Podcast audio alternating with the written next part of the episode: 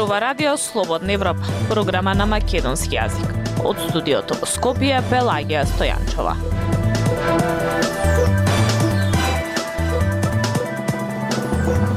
Во денешната емисија на Радио Слободна Европа објавуваме и Холокаустот повод за македонско-бугарски тензии. Какви опасности носи претоплата зима? Папата Франциск 10 години начело на Римо-католичката црква. Слушајте не. Независни вести и анализи за иднината на Македонија. На Радио Слободна Европа и слободнаевропа.мк. Бугарија мора да ја прифати својата одговорност за депортацијата на македонските евреи во Треблинка и да се соочи со своето мрачно минато. Вели за Радио Слободна Европа Драги Георгиев, ко преседавач на Македонско-бугарската комисија. Тој реагира откако председател Стево Пендаровски побара извинување од Бугарија. Колегата на Георгиев, бугарскиот историчар Ангел Димитров, барањето за извинување го оценува како несериозно и неточно.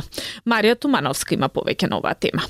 Ниту во Бугарија, но и во Северна Македонија за сега нема реакција од официјалните државни представници по изјавата на македонскиот председател Стево Пендаровски во која побара извинување од Бугарија за да има помирување меѓу двете земји.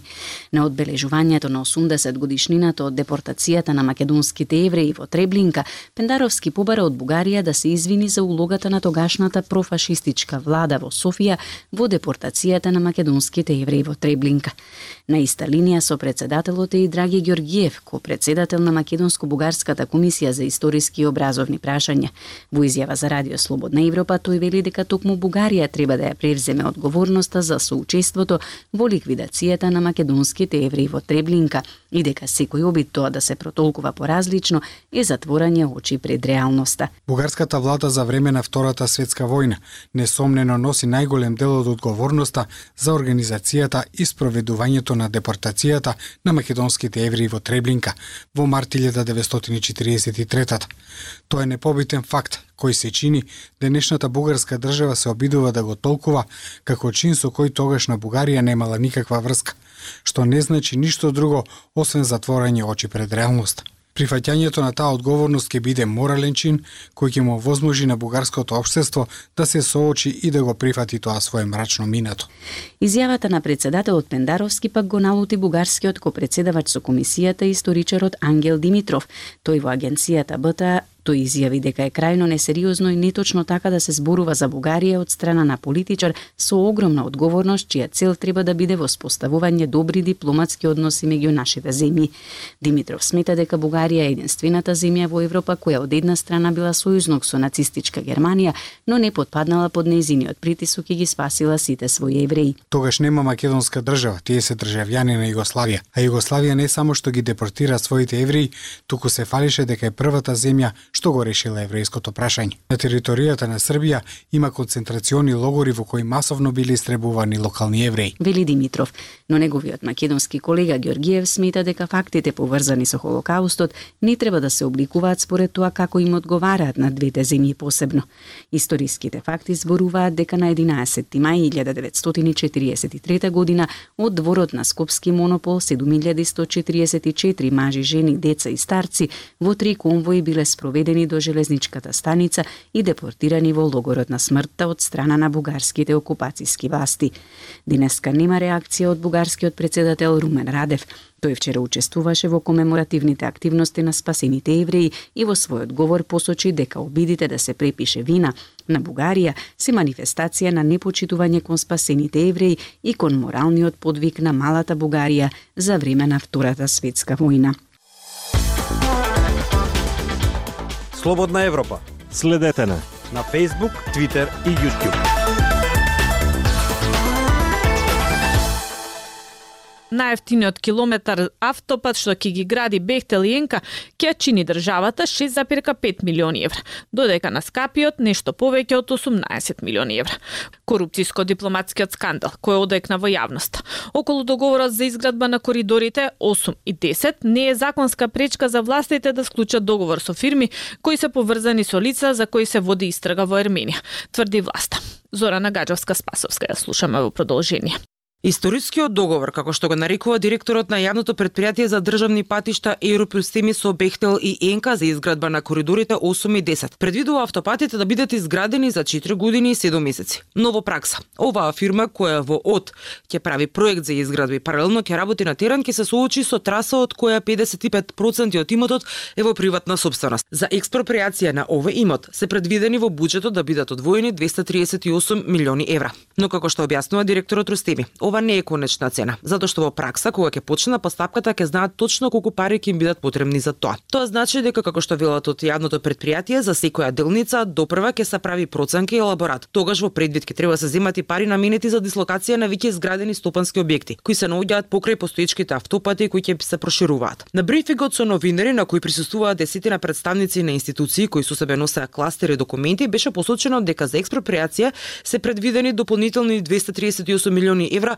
од веќе склучениот договор кој за 4 делници изнесува 1,3 милиарди евра. За сега цената за изграден километар е предвидено да чини 6,5 милиони евра за автопатот Приле Битола, до 18,4 милиони евра за изграден автопат од Гостивар до Покојчани. За 12,5 километри автопат кој треба да биде проширен на три ленти во два правци од Тетово до Гостивар, државата ќе треба да плати вкупно 125 милиони евра. Најскапиот автопат ќе биде тој од Гостивар до Букојчани, зад каде што за вкупно 30,3 километри пат ќе се потрошат 560 милиони евра, затоа што се работи за планински предел, објаснуваат надлежните. За автопатот од Струга до Ќафасан за 21,7 километри ќе се платат 360 милиони евра, додека најефтин ќе биде патот од Прилеп до Битола за кој вкупно ќе се потрошат 260 милиони евра за изградени 40 километри пат. Но овие суми исто така не се конечни, затоа што предвидените износи се темелат на иницијален дизајн, а допрва ќе треба основен проект да покаже колкави ќе бидат вкупните трошоци. Ниту надлежните, ниту компанијата која што е надлежна за надзор и рада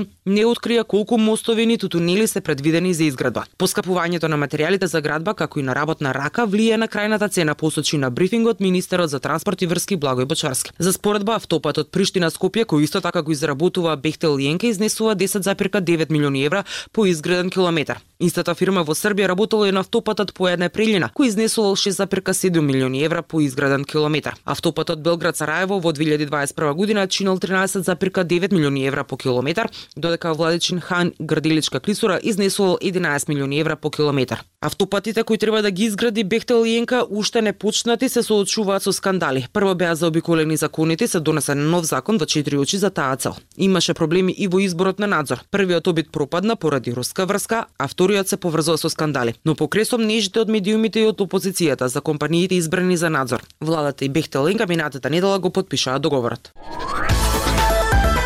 Радио Слободна Европа, светот на Македонија. Штркови во февруари, расцутени дрви, активни инсекти и сето тоа во зима. Но топлата зима си носи проблеми како суша, намален принос на земјоделски култури за честени невремиња. Повеќе нова тема од Јасмина Јакимова. Македонија живее едно од најтоплите зими во последните 70 на години, откако започнаа редовните мерења на температурите.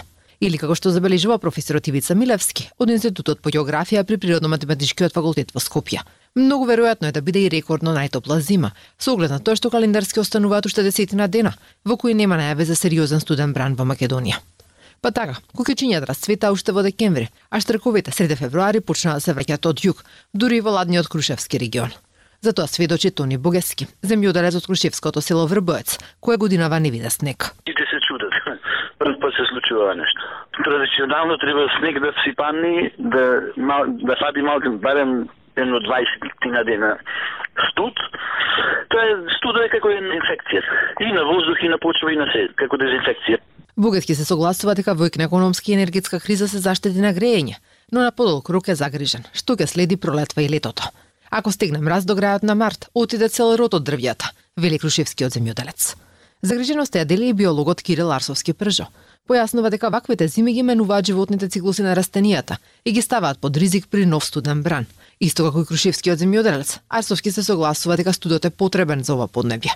Од тие периоди на студ, односно сува студ, на некој начин се врши природна стерилизација на почвата на растенијата со цел да се помогне еволутивно растенијата на пролет да имаат подобра можност за успех. Стравот од сушата, засилен поради отсутството на снег годинава, е меѓу неголемите проблеми од претоплата зима, смета професорот Милевски, кој редовно ги следи сателитските мерења за климата фокусирајќи се на Македонија. Објаснови дека климата бара рамнотежа, па така, кога има претопла зима, се очекува незгодна пролет или лето со чести невремења и студени бранови. Тоа треба да не да не загрижи затоа што е, значи она што видиме ние статистички имаме се потопли потопли зими. Значи и се пожешки лета. Ланското беше најтоплото лето до сега во Европа, а изминатата година втора најжешка година на континентот според европските научници. Биологот Арсовски предупредува дека Македонија каска за развиениот свет, без независна институција за следење на климатските промени и без насоки за надминување на последиците од нив. Вели дека единствено што се прави е што дел од институциите собираат податоци. И професорот Милевски вели дека имаме моќ да направиме промени на долг рок преку зирани политики, на пократок со пошумување на голините и изградба на мали вештачки акумулации. Македонија е подписничка на повеќе меѓународни договори за климата но на локално ниво отсутствува координација, пари, кадар и технички ресурси, нешто што го забележуваат државните ревизори. Дел од проблемите ќе се надминуваат со нов закон за климатска акција, кој се очекуваше да биде готов лани. Исто така, иако се најавува со години, се уште не е донесен ниту националниот план за адаптација на климатските промени. Актуелности свет на Радио Слободна Европа. Папата Франциск на 13 март одбележа 10 години на чело на Римокатоличката црква. Јубилеот беше одбележан со миса со кардинали во капелата Санта Марта во Ватикан, што го одбележа до сегашниот мандат на папата од прилогот на Марија Митевска. Папата Франциск на 13 март одбележува 10 години на чело на Римокатоличката црква. Јубилеот е одбележан со миса со кардинали во капелата Санта Марта во Ватикан. Роден во Аргентина, Франциско има 86 години, стана првиот латиноамерикански пунтиф на 13 март 2013 година, наследувајќи го Бенедикт 16, првиот папа во 6 века, што се повлече од светата столица. Се чини како да беше вчера, времето лета, рече Светиот Отец во подкаст објавен денеска на веб страницата Ватика Ньюс. Поранишниот кардинал Хорхе Марио Берголио се обидува да остане скромен и покрај свечената улога што ја извршува и никогаш не се населил во папските станови во апостолската палата, што ги користеле неговите предходници. Тој изјави дека предпочита да живее меѓу луѓето заради своето ментално здравје. Папата ги покани сите кардинали кои се во Рим да присуствуваат на денешната миса. Постојаниот проблем со коленото го принуди Франциск повремено да се движи со бастун и инвалидска количка, но се чини дека е во добра здравствена состојба, коментираат светските агенции. Со црквата не владее коленото, туку главата, му рекол тој на својот помошник, откако минатиот мај прв пат почнал повремено да користи инвалидска количка во јавност. Франциск јасно стави до знаење дека би бил подготвен да се повлече доколку сериозни здравствени проблеми го спречат да управува со 1,38 милиарди членови на Римокатоличката црква. Но тој исто така рече дека мислиот и папите треба да се обидуваат да владеат доживотно и дека така наречениот почесен папа како што е покојниот Бенедикт 16, не треба да стане мода. Бенедикт поднесе оставка поради здравствени причини, живеејќи уште речиси 10 години. Со 10 години како понтиф, Францис веќе е на тронот подолго од просекот. Предходните 265 папи биле на чело на Римокатоличката црква во просек по 7,5 години. Тој посети 60 земји и територии, патувајќи речиси 410.000 километри. Еден од неголемите предизвици за папата во изминатата деценија беше справувањето со скандалите околу сексуалната злоупотреба на деца од страна на свештеници од Ирска до Германија и Соединетите Американски држави, пишува Франс Прес. Папата да се извини за случајот во Чиле каде свештеник беше обвинет за прикривање на злоупотреба. Тој потоа му е одзеде титулата кардинал на насилниот американски свештеник Теодор Мекарик и му го укина свештеничкиот статус. Тој формираше комисија за заштита на малолетниците која подосна беше интегрирана во централната власт на светата столица. Дополнително со децентрализација на власта, зголемувањето на транспарентноста и давајќи им поголема улога на лаиците и жените, папата спроведе фундаментални реформи, а новиот устав стапи на сила во 2022 година. Ја слушавте емисијата на Радио Слободна Европа, програма на македонски јазик. Од студиото во Скопје со вас беа Пелагија Стојанчова и Дијан Балаловски. До слушање.